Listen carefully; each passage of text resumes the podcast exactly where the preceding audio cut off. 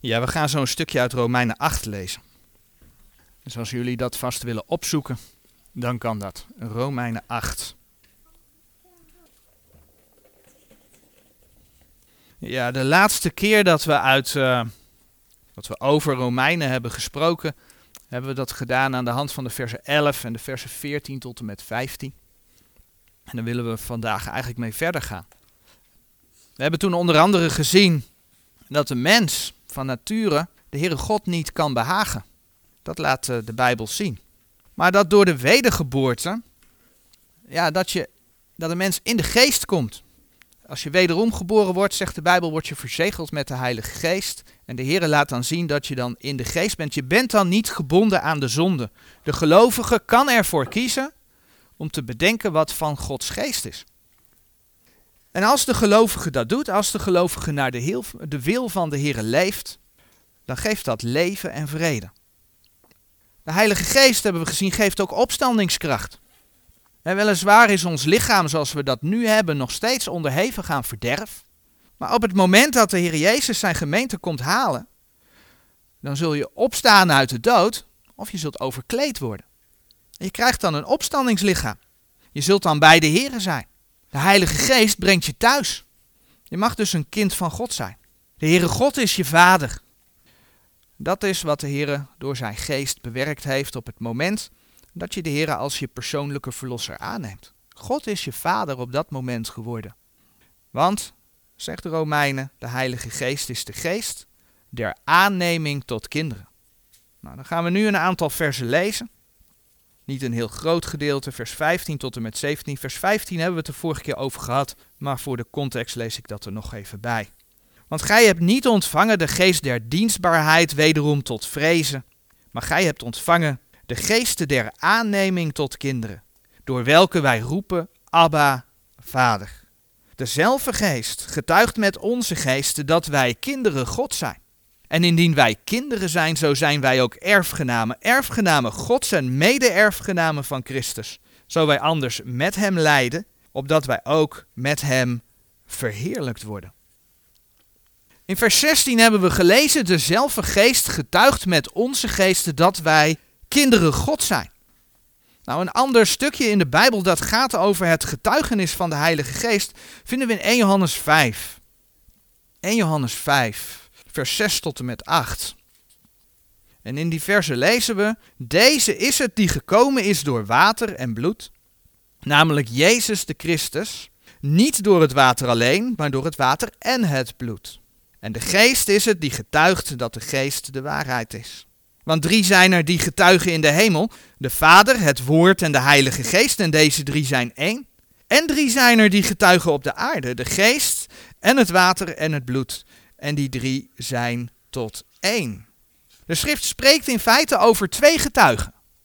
Twee getuigen die uit drie bestaan. Eén, één uh, getuige is in de hemel. Nou, die getuige bestaat uit drie. Hebben we net gelezen. De Vader, het Woord en de Heilige Geest. En er is een getuige op de aarde en die getuige bestaat ook uit drie. Dat hebben we gelezen in vers 8. Nou, wanneer we dan in Johannes, 1 Johannes 5 vers 6 gelezen hebben dat Jezus Christus door water en bloed gekomen is, dan beseffen we dat het getuigenis op aarde gegeven is door de geest van God in de Zoon. want 1 Johannes 5 vers 8 zegt, en drie zijn er die getuigen op de aarde, de geest en het water en het bloed. En die drie zijn tot één. Jezus Christus was God geopenbaard in het vlees. En het is die geest, ja, hoe mooi is dat eigenlijk, die dus ook in de wederomgeboren gelovige woont. Die de wederomgeboren gelovige mag dragen. Dus we lezen hier dat de geest getuigt dat de geest de waarheid is. Als je dan in de Bijbel gaat lezen, dan kom je erachter dat de zoon de waarheid is. Jezus zegt, ik ben de weg en de waarheid en het leven. Johannes 14, vers 6. Als je dan in het woord gaat lezen, dan kom je erachter dat het woord de waarheid is. Johannes 17, vers 17. Heilig hen in uw waarheid, uw woord is de waarheid. Met andere woorden, de Heilige Geest getuigt van Jezus Christus. En dat is eigenlijk ook exact wat de Heer Jezus al aankondigde toen hij op aarde was. In Johannes 15. Johannes 15, vers 24. Johannes 15, vers 24. Sorry, vers 26. Maar wanneer de trooster zal gekomen zijn, dien ik u zenden zal van de Vader, namelijk de geest der waarheid, die van de Vader uitgaat, die zal van mij getuigen. De Heilige Geest getuigt van Jezus Christus.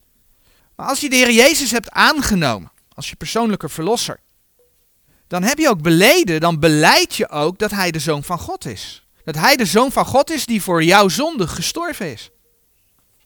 Ja, en dat lees je dus ook in 1 Johannes 4, vers 13 tot en met 15. Hieraan kennen wij dat wij in Hem blijven en Hij in ons, omdat Hij ons van Zijn geest gegeven heeft.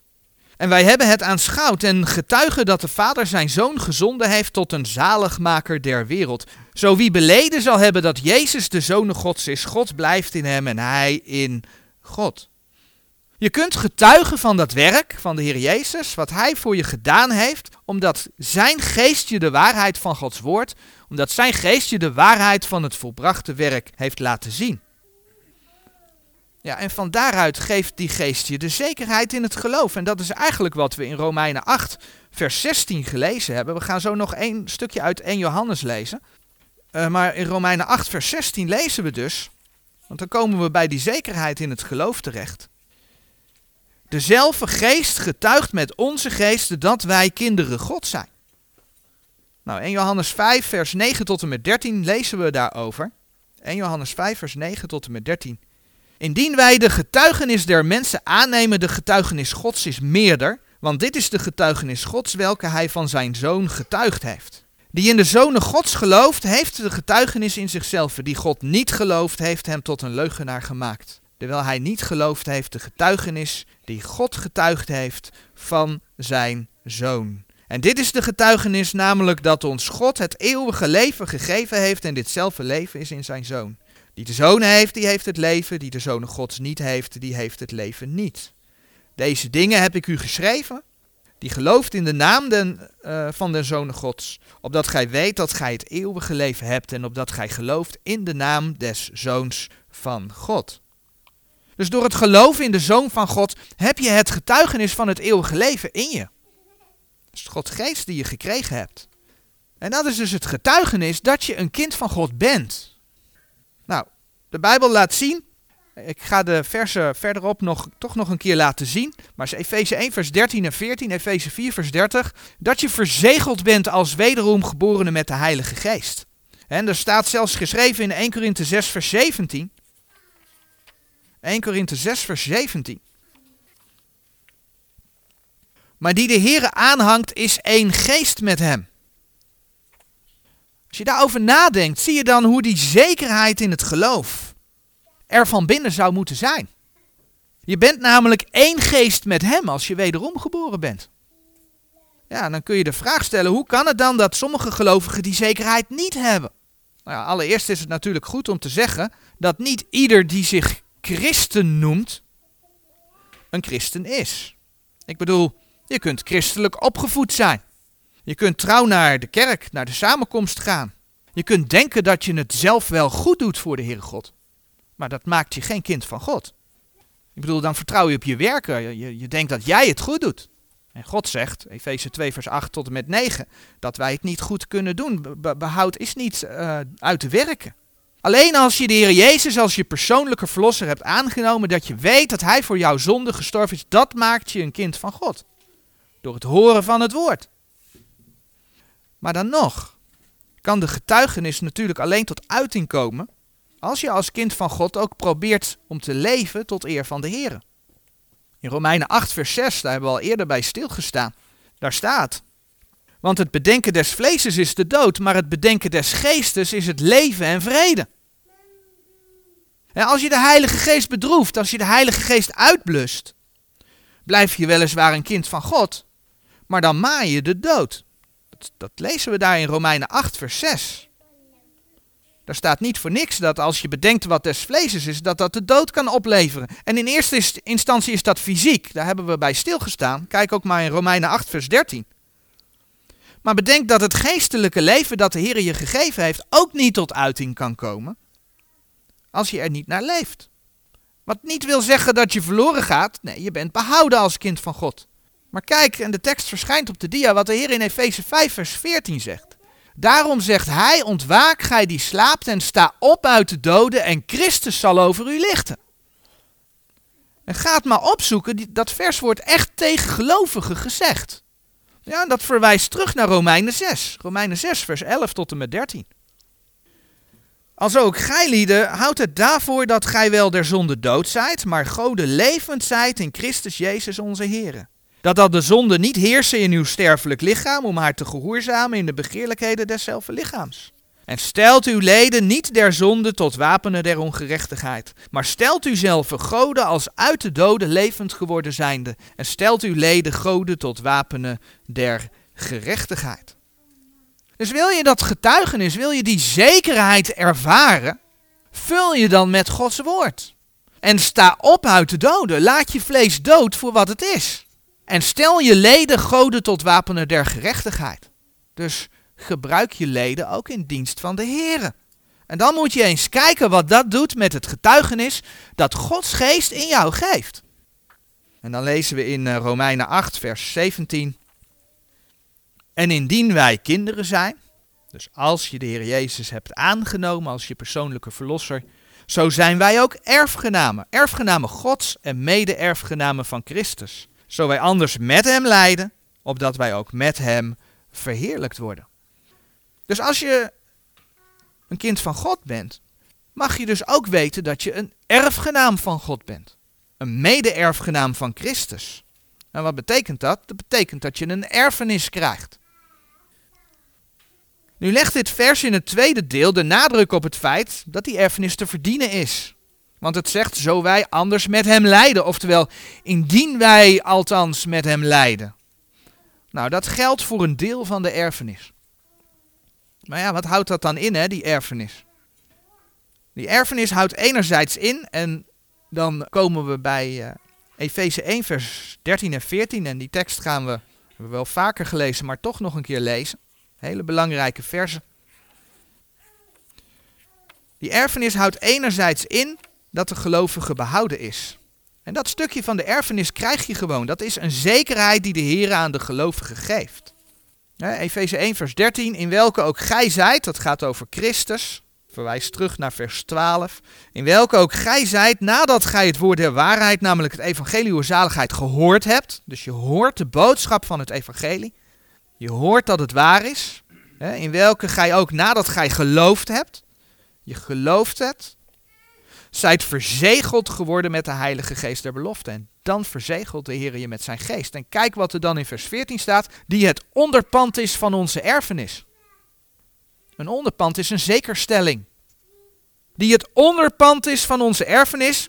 En hoe wordt dat dan uitgelegd? Tot de verkregen verlossing. Tot prijs zijner heerlijkheid. De verlossing heb je als wederomgeborene verkregen, gekregen. Dat is een zekerheid.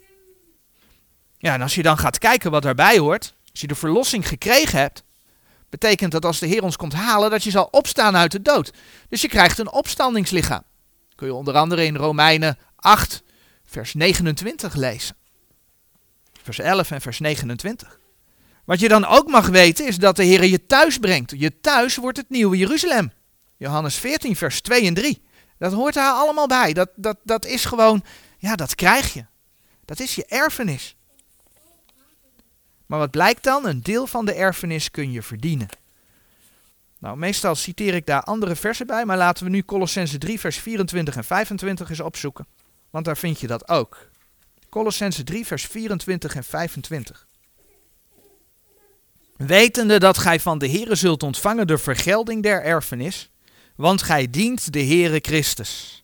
Maar die onrecht doet, die zal het onrecht dragen dat hij gedaan heeft. En er is geen uitneming des persoons. De Heer kijkt dus niet naar personen en er is een vergelding der erfenis. Dat heeft dus te maken met de rechterstoel van Christus. Ik geloof dat ik die tekst vorige week of anders de week daarvoor nog aangehaald heb. 2 Korinthe 5 vers 10. En al naar gelang onze werken zijn, zullen we dan beloond worden of schade lijden. En ja, die tekst heb ik ook wel vaker aangehaald, maar toch nog maar een keer lezen. 1 Korinthe 3, want daar lees je dat ook gewoon. 1 Korinthe 3 vanaf vers 13. En dan lees je daar ook dat de gelovige inderdaad gewoon behouden is. 1 Korinthe 3 vanaf vers 13. Dat gaat dus over de rechterstoel van Christus. En dan lezen we eens iegelijks werk zal openbaar worden, want de dag zal het verklaren, terwijl het door vuur ontdekt wordt. En hoedanig eens iegelijks werk is, zal het vuur beproeven. Zo iemands werk blijft dat hij daarop gebouwd heeft, het gaat over bouwen op het fundament Christus, die zal loon ontvangen. Ja, dus als je iets gedaan hebt wat blijft staan voor de Heer, dan krijg je loon. Dat staat hier. Vers 15, zo iemands werk zal verbrand worden, die zal schade lijden, maar zelfs zal hij behouden worden. Je kunt je voorstellen dat hout, hooi en stoppels, dat dat verbrandt in vuur. Die werken gaan weg. En als dat weggaat, zegt de, zegt de Heer, dan leid je schade. Maar kijk goed wat er achteraan komt. Maar zelf zal hij behouden worden, doch als zo als door vuur. Hier heb je dus staan, de gelovige is behouden. Als je Jezus Christus kent, ben je gered voor de eeuwigheid. Maar je kunt dus nog loon verdienen of schade lijden. Nou ga je dan, en we gaan die teksten vandaag niet, niet opzoeken, want daar wordt, wordt het te uitgebreid van. Maar ga je dan naar de gelijkenis van de ponden kijken?